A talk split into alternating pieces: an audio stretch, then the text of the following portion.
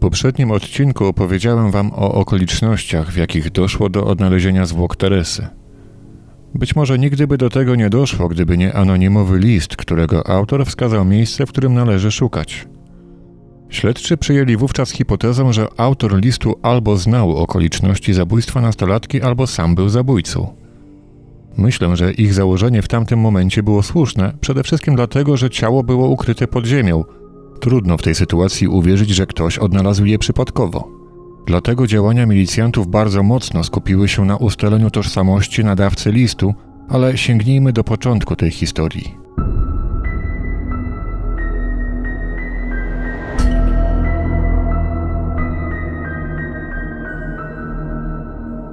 Do zaginięcia Teresy doszło 26 sierpnia 1976 roku na drodze prowadzącej z Siemiatycz do Słowiczyna. To tam dziewczyna była widziana po raz ostatni. Mimo zaangażowania rodziny, sąsiadów i przede wszystkim milicji przez kolejne dni i tygodnie nie udało się ustalić, co się właściwie z nią stało. 14 września około godziny 20 ksiądz Józef z parafii w Siemiatyczach zadzwonił do jednego z funkcjonariuszy MO i powiedział mu, że w kościele został znaleziony anonimowy list, w którym znajdowała się wskazówka dotycząca miejsca ukrycia ciała nastolatki. Jeszcze tego samego dnia, pomimo późnej pory, milicjant odebrał od księdza ten list, a następnego dnia od rana rozpoczęły się poszukiwania w miejscu opisanym w liście. Wiemy już, że autor anonimu nie kłamał, a zwłoki Teresy faktycznie znajdowały się we wskazanym przez niego miejscu. Jeszcze tego samego dnia ksiądz Józef został przesłuchany przez milicję i tak w protokole opisywał moment znalezienia listu. W dniu 14 września 1976 roku około godziny 18.50 wychodząc z kościoła z zakrystii już po odprawionym nabożeństwie zobaczyłem na komodzie list adresowany ołówkiem na kopercie prośba do księdza dziekana. Koperta była biała, bez znaczka i zaklejona. Otworzyłem natychmiast list i zapoznałem się z treścią. Okazało się, że był to anonim pisany ołówkiem na pojedynczej kartce papieru. Piszący donosił o miejscu pochowania zwłok zaginionej dziewczyny około 26 sierpnia 1976 roku i prosił mnie powiadomić o tym rodzinę zaginionej. Dalej ksiądz wyjaśnił, że pierwotnie list odnalazła jedna z parafianek, która widząc go na podłodze, podniosła kopertę i położyła na szafce. W protokole przesłuchania padła jeszcze jedna istotna informacja. Dodaję, że drzwi do przedsionka kościoła są przez cały dzień otwarte, natomiast drzwi do naw bocznych są zaryglowane od wewnątrz, a od nawy głównej wejście jest odgrodzone drewnianą kratą, przed którą wierni modlą się widząc ołtarz i całą górną nawę. Pod tą właśnie kratę wsunięty był powyższy anonim. Z tego opisu wynika, że autor listu musiał podrzucić go do kościoła 14 września w ciągu dnia, przed wieczornym nabożeństwem lub wcześniej. Żeby to stwierdzić dokładnie, trzeba by jednak wiedzieć, czy msze odbywały się codziennie. Takie działanie stwarzało jednak możliwość, że nadawca zostanie zauważony, bo raczej można założyć, że ilość osób odwiedzających kościół w ciągu dnia jest jednak nieduża i dlatego ktoś mógłby zwrócić na niego uwagę, a później powiązać z faktem znalezienia listu. Inna rzecz, że były inne sposoby na ujawnienie miejsca ukrycia ciała Teresy bez narażenia się na rozpoznanie. Autor anonimu mógłby na przykład wysłać ten list pocztą wprost na komisariat, ale z jakiegoś powodu wybrał jednak Kościół. To tylko jedna z wielu zagadek dotyczących tajemniczego listu i jego nadawcy. 15 września została przesłuchana pani Józefa, kobieta, która jako pierwsza odnalazła anonim w kościele.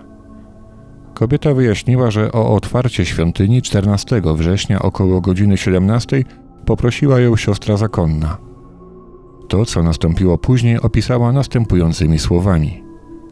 Wzięłam klucz od siostry Edyty i od zakrystii, czyli od wewnątrz kościoła, otworzyłam drzwi kościoła. Były to główne drzwi wejściowe. Przy podejściu do drzwi wejściowych kościoła na podłodze cementowej w odległości około jednego metra od drzwi, które otworzyłam, zobaczyłam leżącą kopertę koloru białego.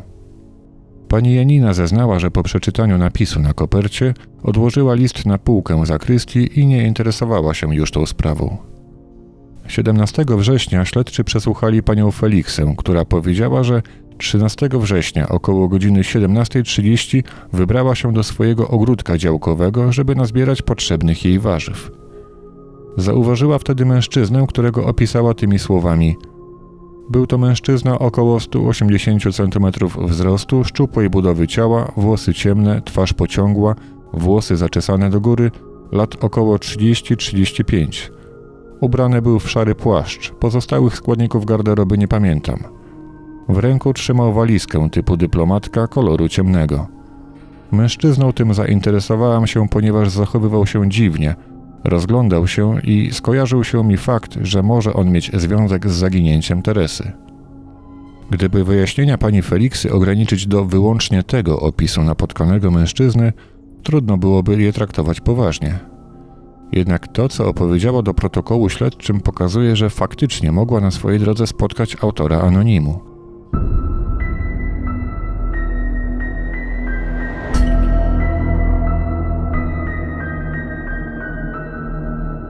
Przesłuchiwana przekazała, że mężczyzna, który zwrócił jej uwagę, w pewnym momencie wszedł na teren, jak to nazwała, domu starców i tam rozmawiał przez chwilę z robotnikiem, po czym przeszedł na tyły budynku. W tym momencie nieznajomy zorientował się, że kobieta go obserwuje i zawrócił. Następnie pani Feliksa dotarła do swojego ogródka, zerwała warzywa, a kiedy zaczęła wracać, znów zobaczyła nieznajomego mężczyznę, który szedł w kierunku cerkwi, cały czas oglądając się za siebie. Kobieta zobaczyła jeszcze, że wszedł on po schodach prowadzących do drzwi cerkwi, ale potem poszła już w kierunku swojego mieszkania. W pewnym momencie zauważyła dwie dziewczynki z sąsiedztwa, trzynastoletnią Bożenę i siedmioletnią Ewę. Poprosiła je, aby zobaczyły, co robi podejrzany mężczyzna i dokąd pójdzie spod cerkwi. Bożena tak wspominała tamto wydarzenie. Przed godziną 18 podeszła do nas sąsiadka i powiedziała, że koło kościoła kręci się jakiś mężczyzna, który zachowuje się podejrzanie.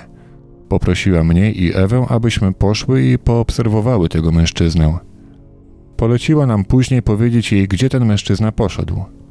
Zanim jednak obie dziewczynki poszły na plac wyzwolenia, skąd miały obserwować mężczyznę, pani Feliksa wraz z Ewą zobaczyły, że nieznajomy wychodził z terenu kościoła, a następnie poszedł do pobliskiej jadłodajni jubilatka. W międzyczasie zorientował się, że jest obserwowany i to spowodowało jego zauważalne zdenerwowanie. Dzieci czekały na niego obserwując wyjście z lokalu, a kiedy go w końcu zobaczyły, Poszedł najpierw w ulicę Ciechanowiecką, ale zaraz zawrócił i oddalił się ulicą Drohiczyńską. Bożena podkreśliła to, co mówiła pani Feliksa, że nieznajomy co chwila oglądał się za siebie. 20 października śledczy przesłuchali panią Janinę, nauczycielkę z pobliskiej miejscowości Hornowo. Kobieta powiedziała, że 17 października do jej mieszkania przyszła nieznajoma kobieta, która najprawdopodobniej przyjechała do jej sąsiada, a że ten był nieobecny, zaszła do niej pytając o powrotny autobus do Siemiatycz. Tą nieznajomą była wspomniana niedawno pani Feliksa. Miała ona wtedy powiedzieć pani Janinie, że widziała mężczyznę, który podrzucił do kościoła w Siemiatyczach anonim wskazujący miejsce ukrycia zwłok Teresy. Ponadto stwierdziła, że widziała go jak dwukrotnie podchodził do kościoła, a kolejny raz jak z niego wychodził – Pani Janina zeznała, że nieznajoma opowiedziała też jej, że ponownie spotkała podejrzanego mężczyznę kilka dni po pierwszym spotkaniu. Tym razem miała go widzieć przy jakimś urzędzie w Siemiatyczach. Nie pamiętała dokładnej daty tego spotkania, ale przekazała, że rozmawiała o tym fakcie z milicjantem, jednak nie rozwijała tego wątku. Pani Janina dodała, że nieznajoma opisała podejrzanego jako wysokiego blondyna.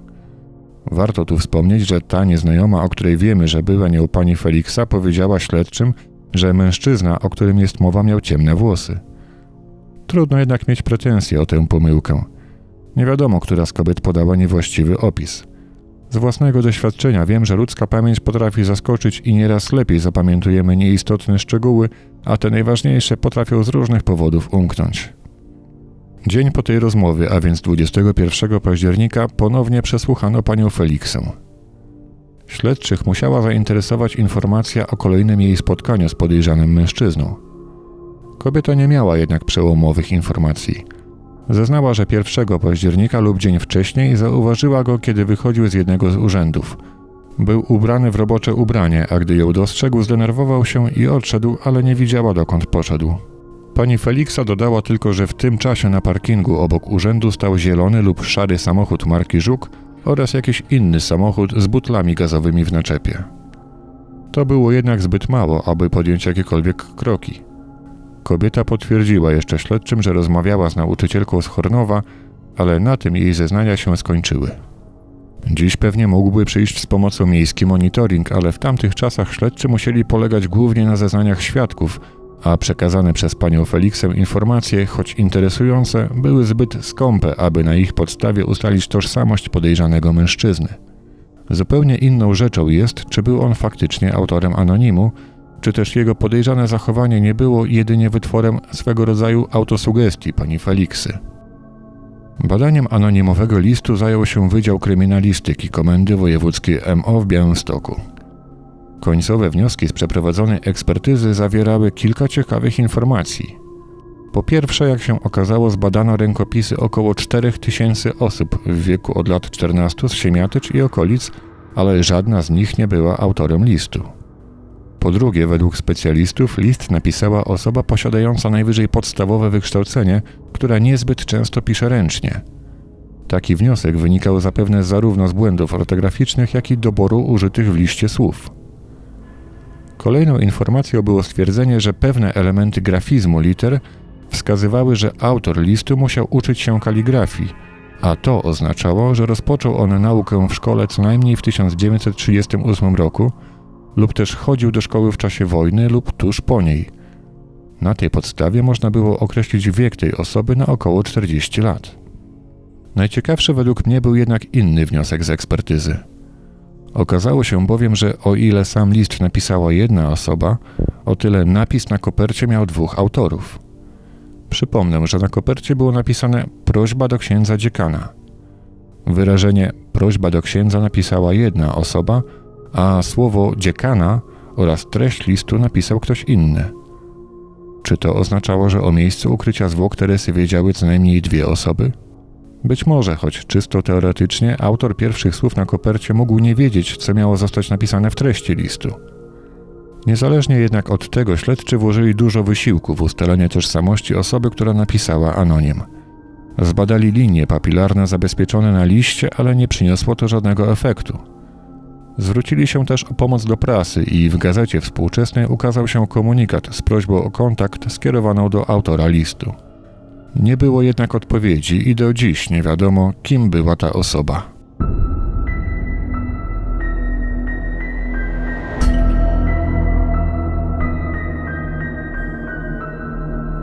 Wiemy już, że na pewno nie był to Anatol Firsowicz ani żaden z członków jego rodziny. Nierozwiązaną zagadką pozostają okoliczności, w których autor anonimu dowiedział się o miejscu ukrycia zwłok Teresy. Trudno mi uwierzyć w przypadkowe ich znalezienie. Jak już wcześniej mówiłem, oznaczałoby to, że ta osoba z jakiegoś powodu musiała kopać tam, gdzie znajdowało się ciało.